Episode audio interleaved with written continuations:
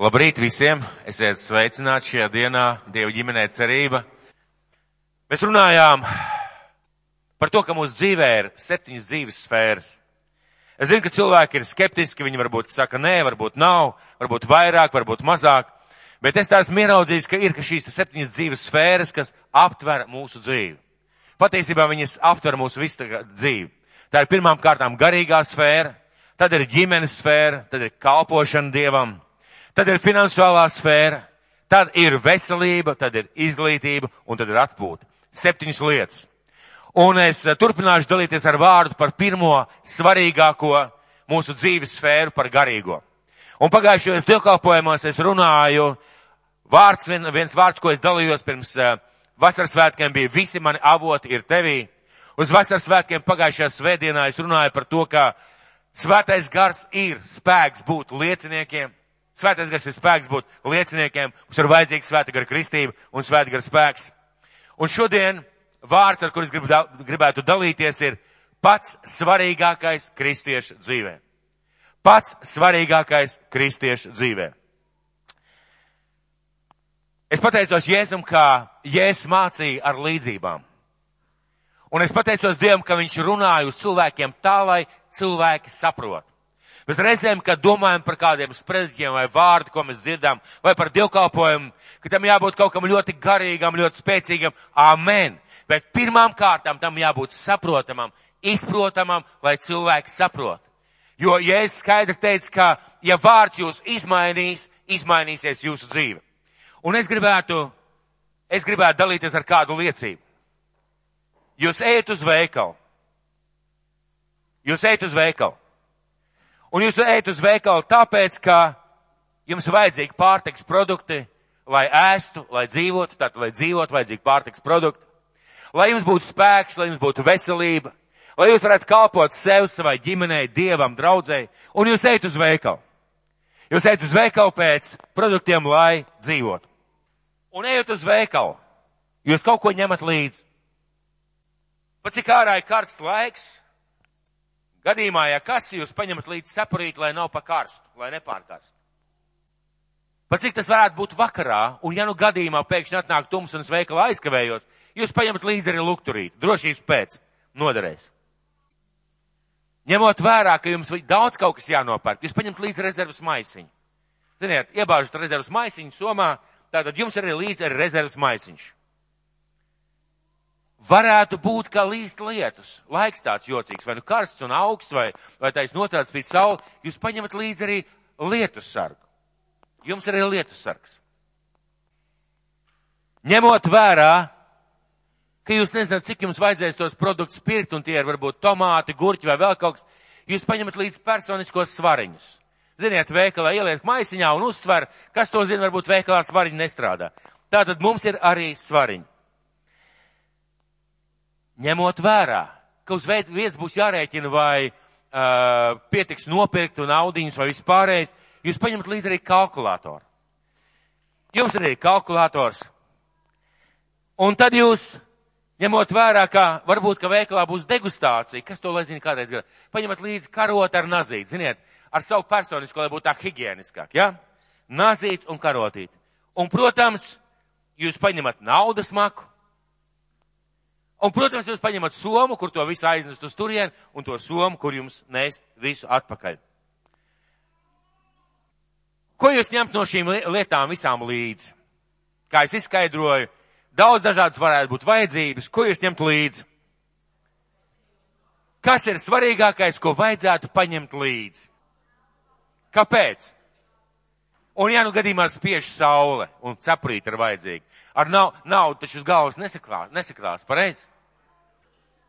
Un ja nu līst lietus, tu būsi galīgi slapš. Ar naudu taču arī nevar nosargāties no lietas, pareizi? Zonķiku vajag. Zonķiks ir. Zonķiks ir. Tātad, eh, kas ir tas, bez kā mēs nevarētu vienkārši iet uz veikalu? Pats, pats, pats galvenais. Kā jūs, ko jūs sakat? Kas būtu galvenais? Nauda, kāpēc? Jo bez naudas ne ar lietu sargu, kā kāds teica ar zonķiku, ne ar nazīti, ne ar lukturīti, ne ar maisiņu jūs neko nevarat dabūt pareizi. Un jūs staigājat pa veikalu, jums ir vesela soma ar visādām mantām. Jūs pieiet pie kasītes un nekā, jo naudiņas nav pareizi. Tad kas būtu galvenais, lai izdzīvotu? Naudiņa, vai ne? Naudiņa. Kas ir tas, ko mēs, kristieši, visbiežāk pazaudējam? Tad mēs esam jauki kristieši. Naudu pazaudējam. Kas ir tas, ko mēs, kristieši, visbiežāk pazaudējam pašu svarīgāko? Kas ir tas, kad mēs viņu pazaudējam, mēs varam ieraudzīt, ka mēs atsalstam, atdziestam, nenākam uz draudzi, nevaram vairs kalpot, nav spēka, nav varēšanas. Kas ir tas, ko mēs pazaudējām? Attiecības ar Dievu. Ļoti jauki. Tas ir maksit kā, ja? Bet ziniet, kas ir par lietu? Maks jau vien nepalīdz. Vajag naudiņu. Šitas maks ir tukšs. Un kas ir vissvarīgākā lieta nauda, ko jūs teicāt? Kas ir tas, ka ja mēs kristieši pazaudējam to, mums patiesībā nav vairs nekā. Laiks ar Dievu. Mūsu personīgais laiks ar Dievu. Ja mēs pazaudējam laiku ar Dievu, mums paliek viss cits ļoti lielā daudzumā, bet patiesībā svarīgākā mums nav. Un pirmā lieta, ko mēs pazaudējam parasti, ir kvalitatīvs, dziļš, ražīgs, pietiekams, personīgais laiks ar Dievu. Autobusu šofers vakar, kad mēs braucām no šī brauciena, viņš teica tādus vārdus. Neaizmirstiet paņemt savas mantas autobusā, jo viss, ko jūs aizmirsīsiet, viss ir mans. Tad redziet, kristieši savā dzīves autobusā braucot pa dzīvi, parasti pazaudē savu laiku ar Dievu. Parasti pazaudē savu laiku ar Dievu. Tas ir tas, no kā sākās mūsu zaudējumi. Es esmu dzirdējis cilvēkus, kas saka, ka ļoti, ļoti negribētu izdegt ļoti negribētu izdegt, pazaudēt savu garīgo dzīvi, ļoti negribētu vilties savā dzīvē, ļoti negribētu pārpūlēties, un cilvēki izveido dažādas schēmas, to es darīšu, to es nedarīšu, šito es darīšu, tik tālu es darīšu, man vajadzīgs tik daudz laika atpūtē un tam līdzīgi, un ļoti pareizi. Bet ziniet, es runāju kādu cilvēku, kas bija kapitāla izdedzis. Un es šim cilvēkam ar patiesu interesi jautāju, viņam bija milzīga slodze, un šī slodze nebija vienu gadu bija milzīgs lodzi, un šīs lodzes nebija viena gada. Es jautāju, kas bija tas mirklis, kad sākās tava izdegšana? Un ziniet, ko viņi teica? Nevis pa daudz darba, nevis pa daudz pienākumu, nevis pa daudz lietu, ko man jāizdara, Viņi, bet viņi teica, bet tad, kad es sāku pazaudēt kvalitatīvu dziļu laiku ar savu Dievu. Tas ir mirklis, kas ved uz izdegšanu, problēmām un vispārējo. Un Ja tas ir pats svarīgākais priekš kristiešu, tad tieši to mēs parasti pazaudējam. Un tu skaties uz cilvēku, viņš nenāk uz draudz, viņš nebrauc draudz kopējos pasākumos, viņš nekalpo Dievam, viņam nav kaut kādas citas lietas, uh, un varētu domāt, nu ņem vienkārši dara, nu kādas tur tās problēmas, bet skatoties uz tādu cilvēku, mēs varam viennozīmīgi pateikt. Viennozīmīgi. Viņam nav dziļa personīga, kvalitatīva laika ar Kristu.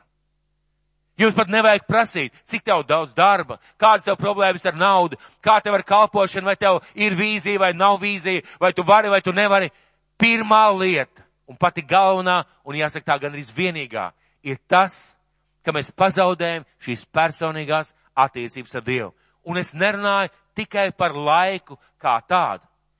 Daudziem no mums ir gadījies šajā laikā, kad mēs it kā gatavojamies lūgt Dievu, nostaigāt visu to laiku, nodzert kafiju, nodomāt par visādām lietām, šaudīties savā galvā no viena punkta uz otru punktu, un laiks paiet. Nav runa vienkārši par laiku, ir runa par dziļu, personīgu, kvalitatīvu sarunu ar Kristu. Runiet tieši par to. Kā es zinu, Kā es to zinu? Es esmu tieši tāds pats kā mēs visi. Un pasaulē nekas jauns nav noticis. Un es tieši par to mācīju. Un kāds teiks, es jau to simtas reizes esmu dzirdējis. Lieliski. Tad uz šī fona, ka tu simtas reizes esi dzirdējis, paklausies, vai tev tas ir. Un ja tavā dzīvē tas ir, pasaki Dievam, paldies tev, kungs, ka tu man to atklāji, ka tu man to palīdzēji turēt un palīdz man to turēt uz priekšu. Ja tev šis laiks nav tāds, kā gribētos, domā, kā to mainīt. Un ja šī laika tev vispār nav, tad ieraugi, ko tu esi pazaudējis un saproti, ka tas viss ved ne, ne uz kurienu. Un pats centrs mūsu garīgajā sfērā ir mūsu laiks kopā ar Jēzu. Tas ir pats centrs mūsu attiecībām ar Dievu. Tas ir pats centrs mūsu garīgajai sfērai. Un tieši šis laiks parāda, vai mums ir šīs personīgās attiecības ar Dievu, kādas viņas ir, kāpēc viņas ir. Un tieši no šī laika izplūst augļi mūsu dzīvē. Tieši no šī laika. Un es gribētu jūs aicināt, atšķirsim Lukas evaņģēlī desmito nodaļu. 38. 42. pants. Lukas evaņģēlīs desmitā nodaļa. No 38. līdz 42. pantam. Un man patika labāk šis jaunais tulkojums, tāpēc lasīšu no jaunā tulkojuma. Un es gribētu aicināt atšķiriet savas bībeles. Kam ir telefonā, šķiriet vaļā. Un man ir jautājums. Man ir jums jautājums. Mēs nākam uz dievkalpojumu, kāpēc mēs neņemam līdzi bībeli? Ļoti vienkāršs jautājums. Kāpēc? Un šis jautājums atbild ļoti vienkārši uz jautājumu, vai man ir svarīgi tas, ko es dzirdēšu, vai man ir svarīgi izlasīt, vai man ir svarīgi ieraudzīt to kontekstu, vai man ir svarīgi. Tāpēc, mīļie draugi, ņemam līdzi. Un Lūks evaņģēlijas 10. nodaļa 38. līdz 42. pants. Tālāk iedami viņi iegāja kādā ciemā, kāda sieviete vārdā Marija, Marta, uzņēma viņu savā namā. Viņai bija māsa vārdā Marija. Tā apsēdās pie kunga kājām un klausījās viņa vārdos.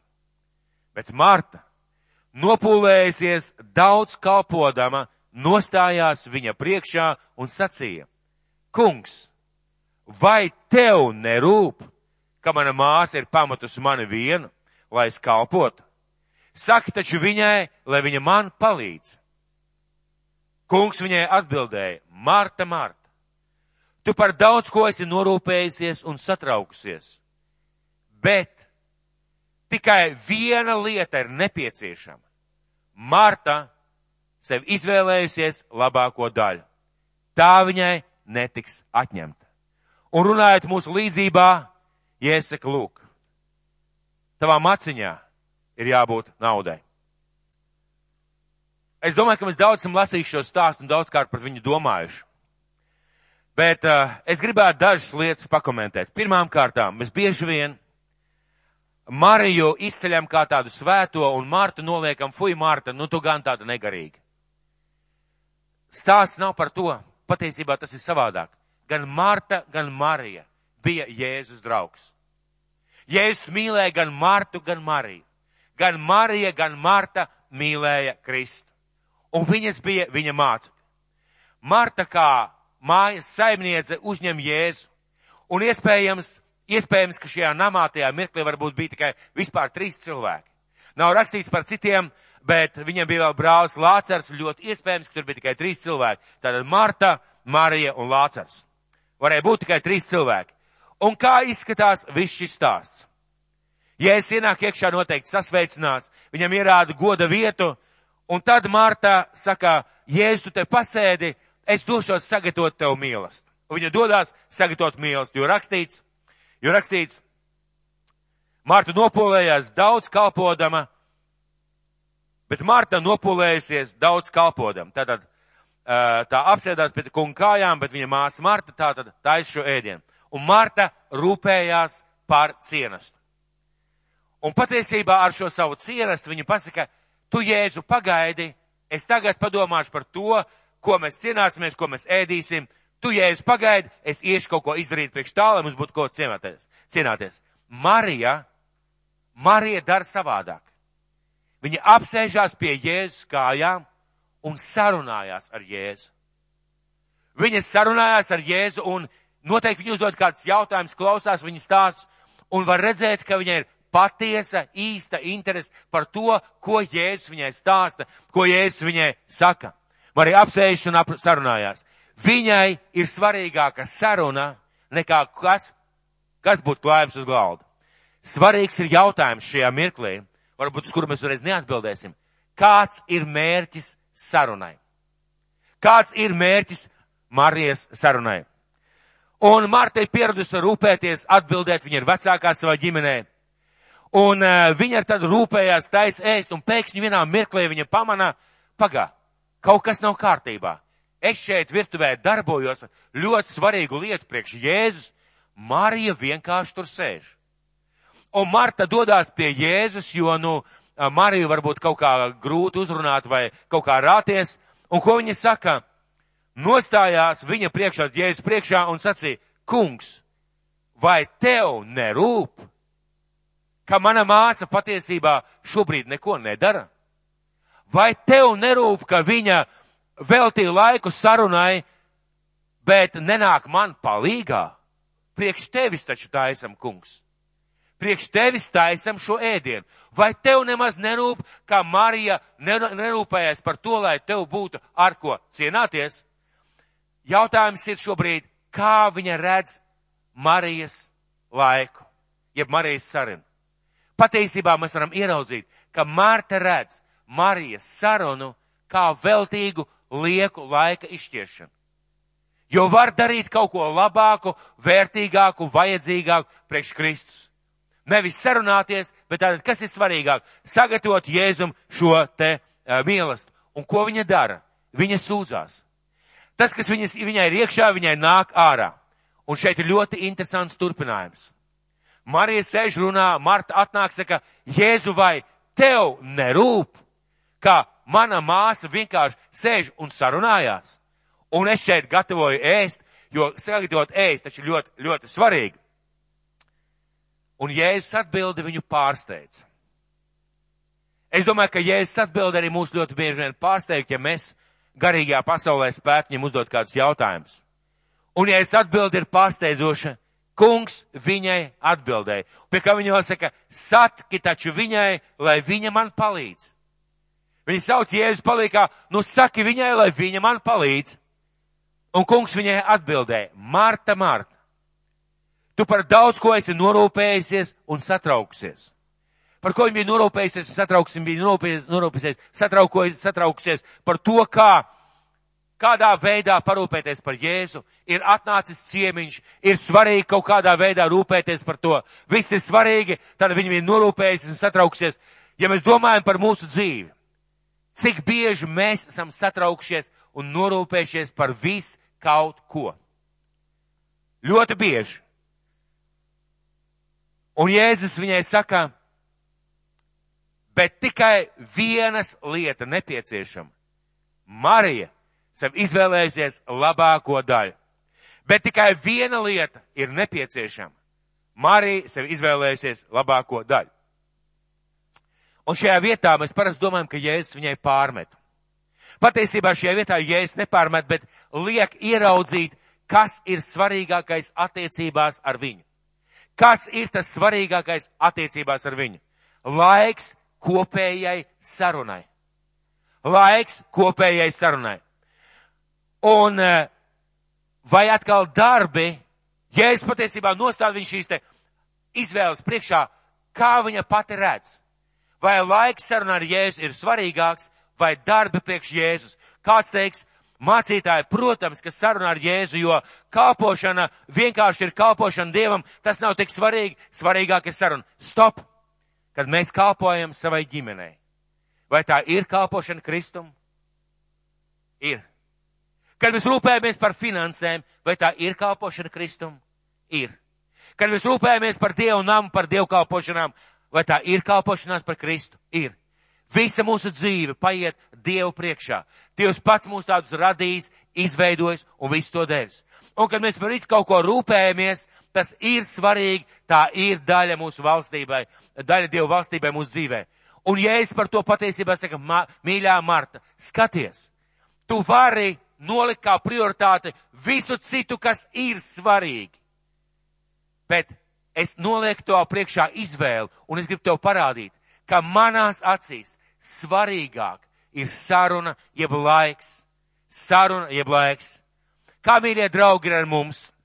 Kā jau es teicu, viņas abas mīlēja Jēzu, abas mīlēja Dievu, un Jēzus patiesībā šeit parāda dzīves modeļus, jeb kristī, kristīgās ticības modeļus. Vienu cilvēku daudz dara priekš Dieva, savai ģimenei, saviem draugiem, radiem priekš sevis, un viņam nav laika sarunai ar Kristu. Un ziniet ko? Esmu pamanījis, tu vari kost pirkstos. Tu vari raudāt, tu vari sev pārmest, tu vari sev uzskatīt par sliktu kristieti, bet ja tu neko nemaini šajā jautājumā, nekas arī nemainīsies. Un Jēzus Martai nepārmet. Sapratīsim, mīļie draugi, Jēzus Martai nepārmet. Jēzus parāda šo starpību starp vienu veidu, kā dzīvot, un otru veidu, kā dzīvot. Mīļie draugi, kā ir ar mums, un kāpēc mums ir svarīgi to zināt? Ziniet, kāpēc? Mūsos visos ir gan Marta, gan Marija. Mūsos visos ir gan Marta, gan Marija. Ikvienā cilvēkā ir Marta un Marija.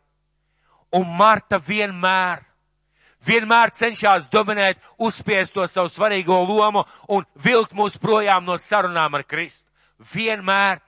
Viņa darīs visu iespējamo, kaut gan viņa mīlēs Dievu. Viņa mīlēs cilvēkus, viņa mīlēs to, kas jādara, viņa mīlēs kalpot Dievam, bet viņa vienmēr centīsies dominēt un vilkt projām pie darbiem. Un Marija vienmēr mūsos centīsies meklēt Dieva klātbūt. Un jautājums ir, kam mēs ar savu gribu, ar saviem lēmumiem dodam priekšroku? Kas pēc kā seko? Jo es personīgi domāju, ka šajā vietā vajadzēja būt labā, labai brīnišķīgai sarunai abām divām māsām, un ja bija arī Lācars. Brīnišķīgai sarunai līdz tam mirklim, kad Jēzus būtu teicis, mīļās māsas, vai jūs varētu parūpēties man kaut ko cienestam? Un tas būtu absolūti pēc Dieva gribas. Mēs cenšamies darīt lietas pa priekšu, kā mums būtu jādara savādāk. Un šis piemērs nav vienkārši dots kādam Martai un Marijai. Manī un tevī ir šīs divas sievietes. Un ziniet, mīļie draugi, cīņa būs vienmēr. Viņa sākās katru dienu, viņa ir katru dienu, un kamēr mēs nepabarosim savu Mariju, kamēr mēs nenoliksim Mariju pirmajā vietā, kamēr mēs vienreiz nepaliksim dusmīgi paši uz sevi. Ja mums nav šī laika un nesāksim pavadīt kvalitatīvu laiku ar Dievu, tikmēr mēs dzīvosim tajā stāvoklī kā Marta. Un vēl viena kāda lieta, kam es gribētu pievērst uzmanību. Cik nozīmīgi ir vārdi, bet tikai viena lieta nepieciešama. Cik nozīmīgi šie vārdi, tikai viena lieta nepieciešama. Cik viņi ir svarīgi, paskatīsimies no tāda viedokļa. Kas pateica?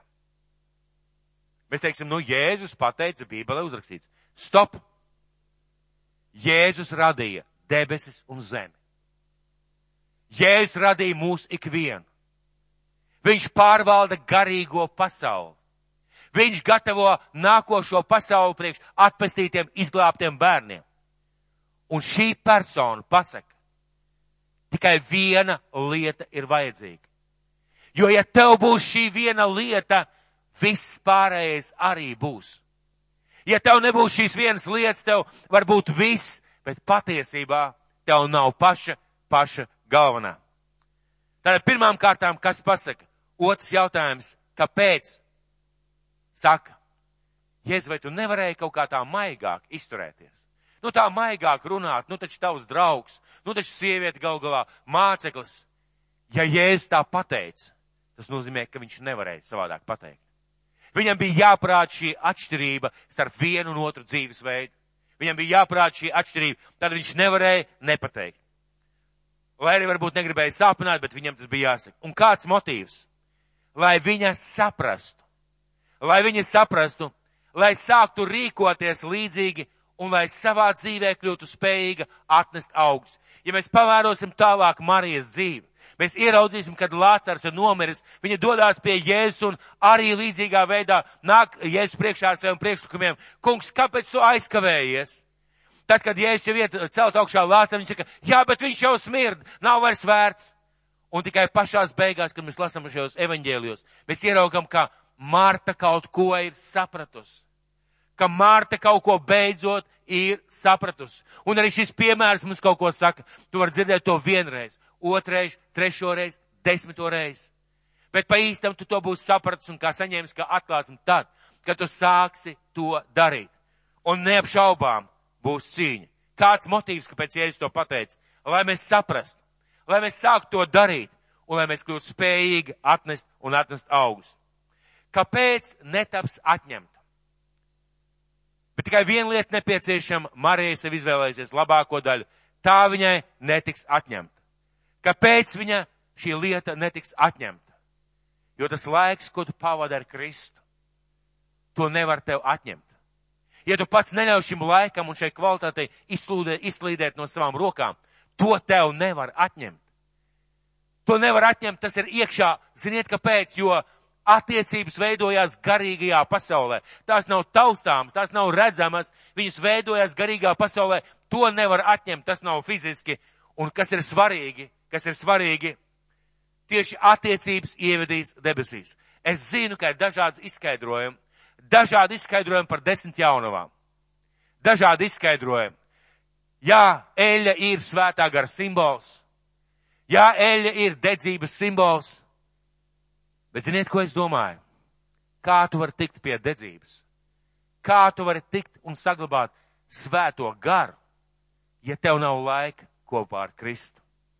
Tāpēc es personīgi domāju, ka tajā vietā, kur Jēzus runāja par šīm desmit jaunavām, piecām gudrām, piecām negudrām, piecām bija laiks priekš Kristus, un piecām nebija un tām piecām, kas bija, viņas sakrāja to eļu, šo dedzību, svēto garu, vispārējās lietas, un tas nāca no viņu dzīves veida. Tas nebija tā, ka mācītājs aizlūdz, tika labā draudzē, palaimējās lieliskā konferencē, aizlūdz svētais gars par tevi. Tas nāca no viņu dzīves veida. Un šai otrai grupai, šīm sievietēm, šīm līgavām, šīm piecām viņām nebija laika. Viņas droši vien visu kaut ko darīja, un darot, visu arī iztērē.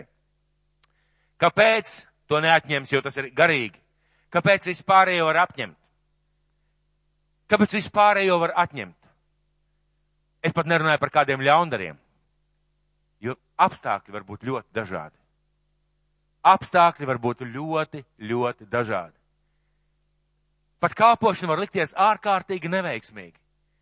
Ja mēs skatāmies uz Ieseju, Dievu pravietis, Dievs atstājas par viņu liecību. Bet ziniet, ko Dievs pasaka Iesējam pašam? Ieseja, es tev sūtu pie tautas, kura tevi neklausīs. Fiziskajā pasaulē patiesībā uz to mirkli tev vispār nebūs nekādu rezultātu. Tu neredzēsi baigos brīnumus, zīmes, un tu neredzēsi, kā tauta atgriežas, bet es tev sūtu, bet zini, šīs attiecības, Tās ir tās, kas tev vedīs cauri, bet fiziskajā pasaulē tev nekā redzama nebūs. Šo te gari, šo fizisko kalpošanu, to visu mums var paņemt. Var pienākt viena diena, kad nav vairs mašīnas, ar ko aizbraukt uz baznīcu. Var pienākt viena diena, kad atnāk veselībā kāda uzbrukuma vai problēmas, un tu nevari vairs braukt uz draudz. Var pienākt viena diena patiesībā, kad tu vairs nevari pat palasīt bībeli, ja tā varētu teikt. Ats kaut kāda problēma. Var pienākt viena diena, kad tev vispār bībeli atņem. Var pienākt diena, kad tev kāpošana beidzās. Tu aizbrauc projām viss kaut kas, bet attiecības ar Kristu nav iespējams atņemt. Ja tas ir laiks, ko tas izvēlējies pavadīt ar Dievu, tas ir laiks, ko tev nevar atņemt. Tas ir laiks, ko tev nevar atņemt. Un, eh, ja šajā vietā negrib pateikt vienkārši dari, nedari par šo laiku. Tas, ko es redzu šeit, Jēzus runā daudz dziļāk par dari, par nedari. Paskatīsimies uz Marijas sarunu. Uz Marijas sarunu. 39. pants. Viņai bija māsa vārdā Marija.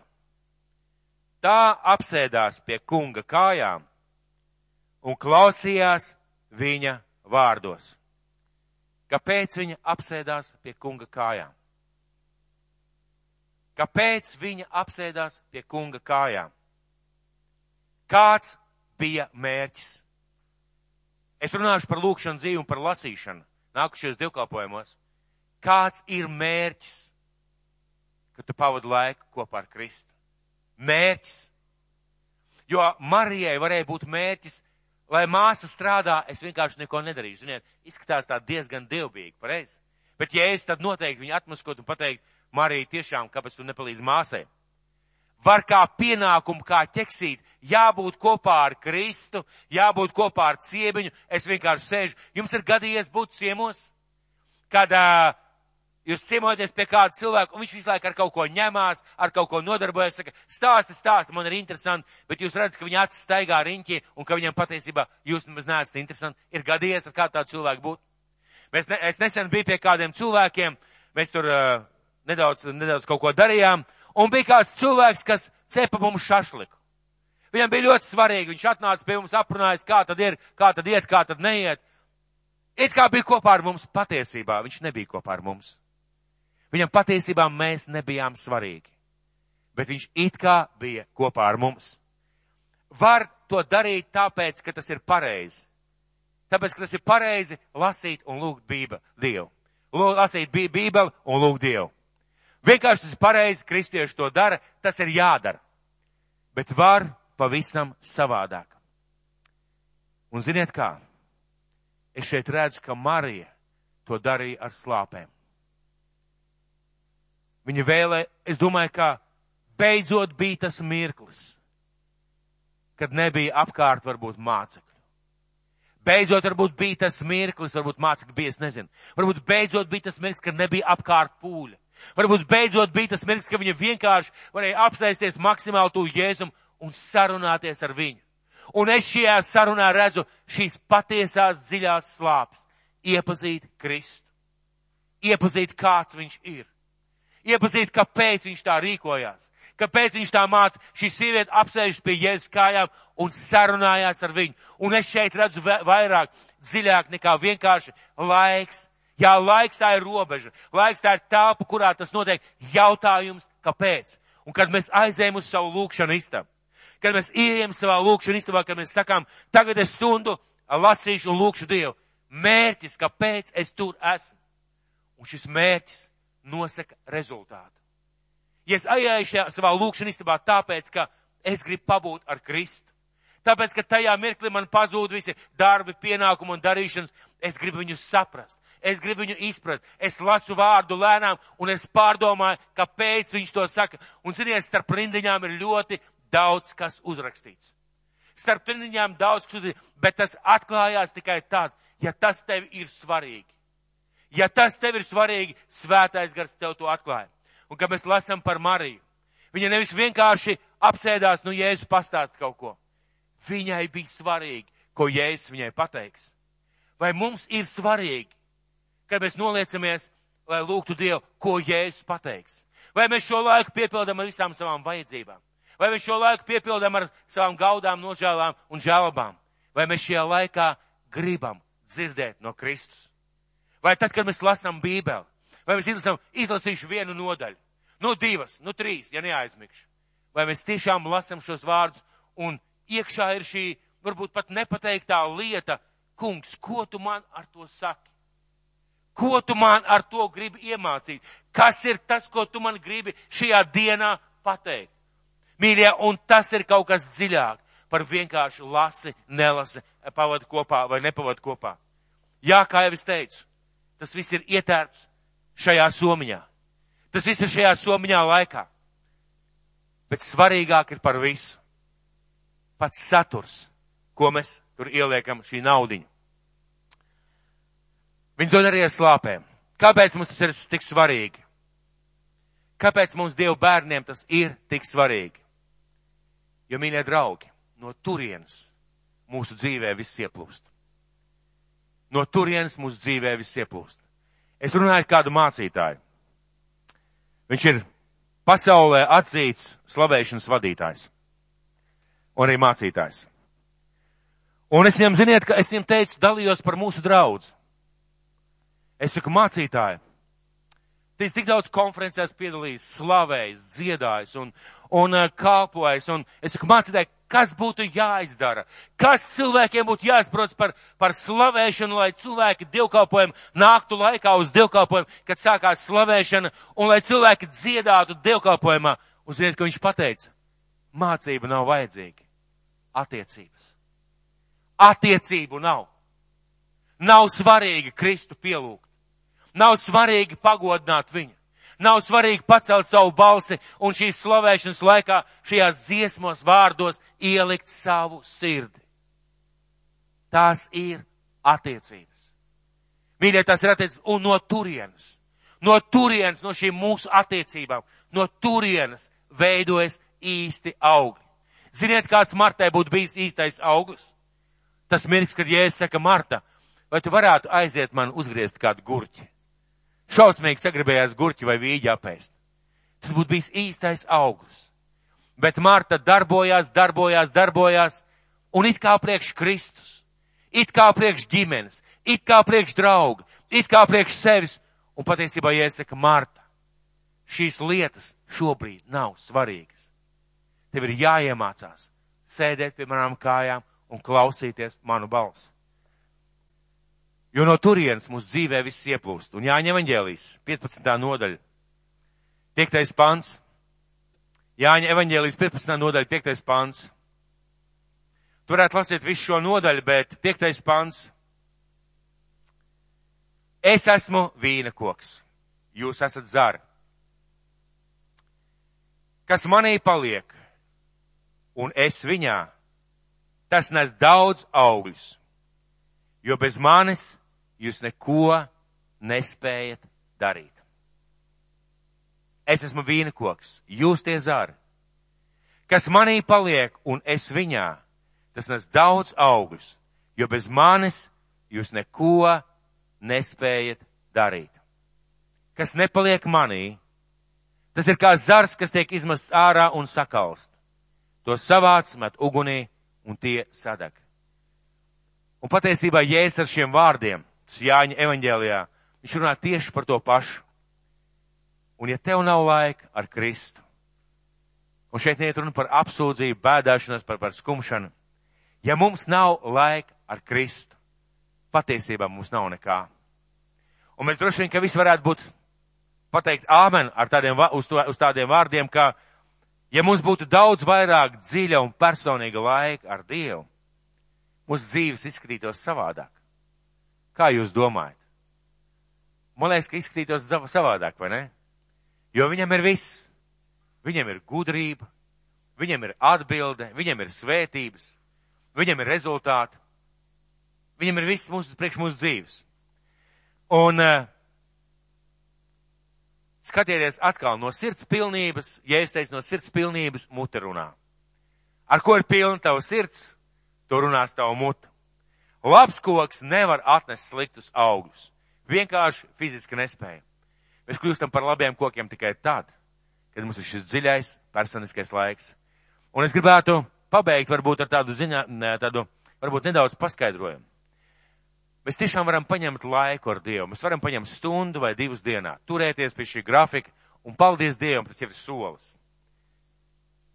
Bet vienmēr ir jautājums, mērķis, ko es šajā laikā gribu piedzīvot. Kas ir tas, kāpēc es nāku uz lūkšanu istabu? Kas ir tas rezultāts, ko es sagaidu? Vai tās ir attiecības, vai vienkārši pavadīts laiks? Un lai Dievs mūs visus svētī. Un ja kāds jau to zināja, es priecājos, un ja tavā dzīvē tas ir, slava Dievam, turpin to attīstīt. Ja kādam tas nav vai ir pazudis, tad šodien es gribētu ar visu Bībeles autoritāti teikt, pienāks laiks un mēs nokautīsim. Un uh, vēl es gribētu teikt, mēs visi esam aicināti tam. Mēs visi esam aicināti tam, lai mums būtu šīs dziļās, dziļās, dziļās personīgās attiecības ar Kristu. Un ziniet, tas ir vienkārši prioritātes jautājums mūsu dzīvē. Mums nevajag mainīt konfesiju, mums nevajag mainīt draudzi, Mums nevajag mainīt kalpošanu, mums nevajag mainīt darbu. Mums noteikti nevajag mainīt ģimeni, mums vajag mainīt prioritātes.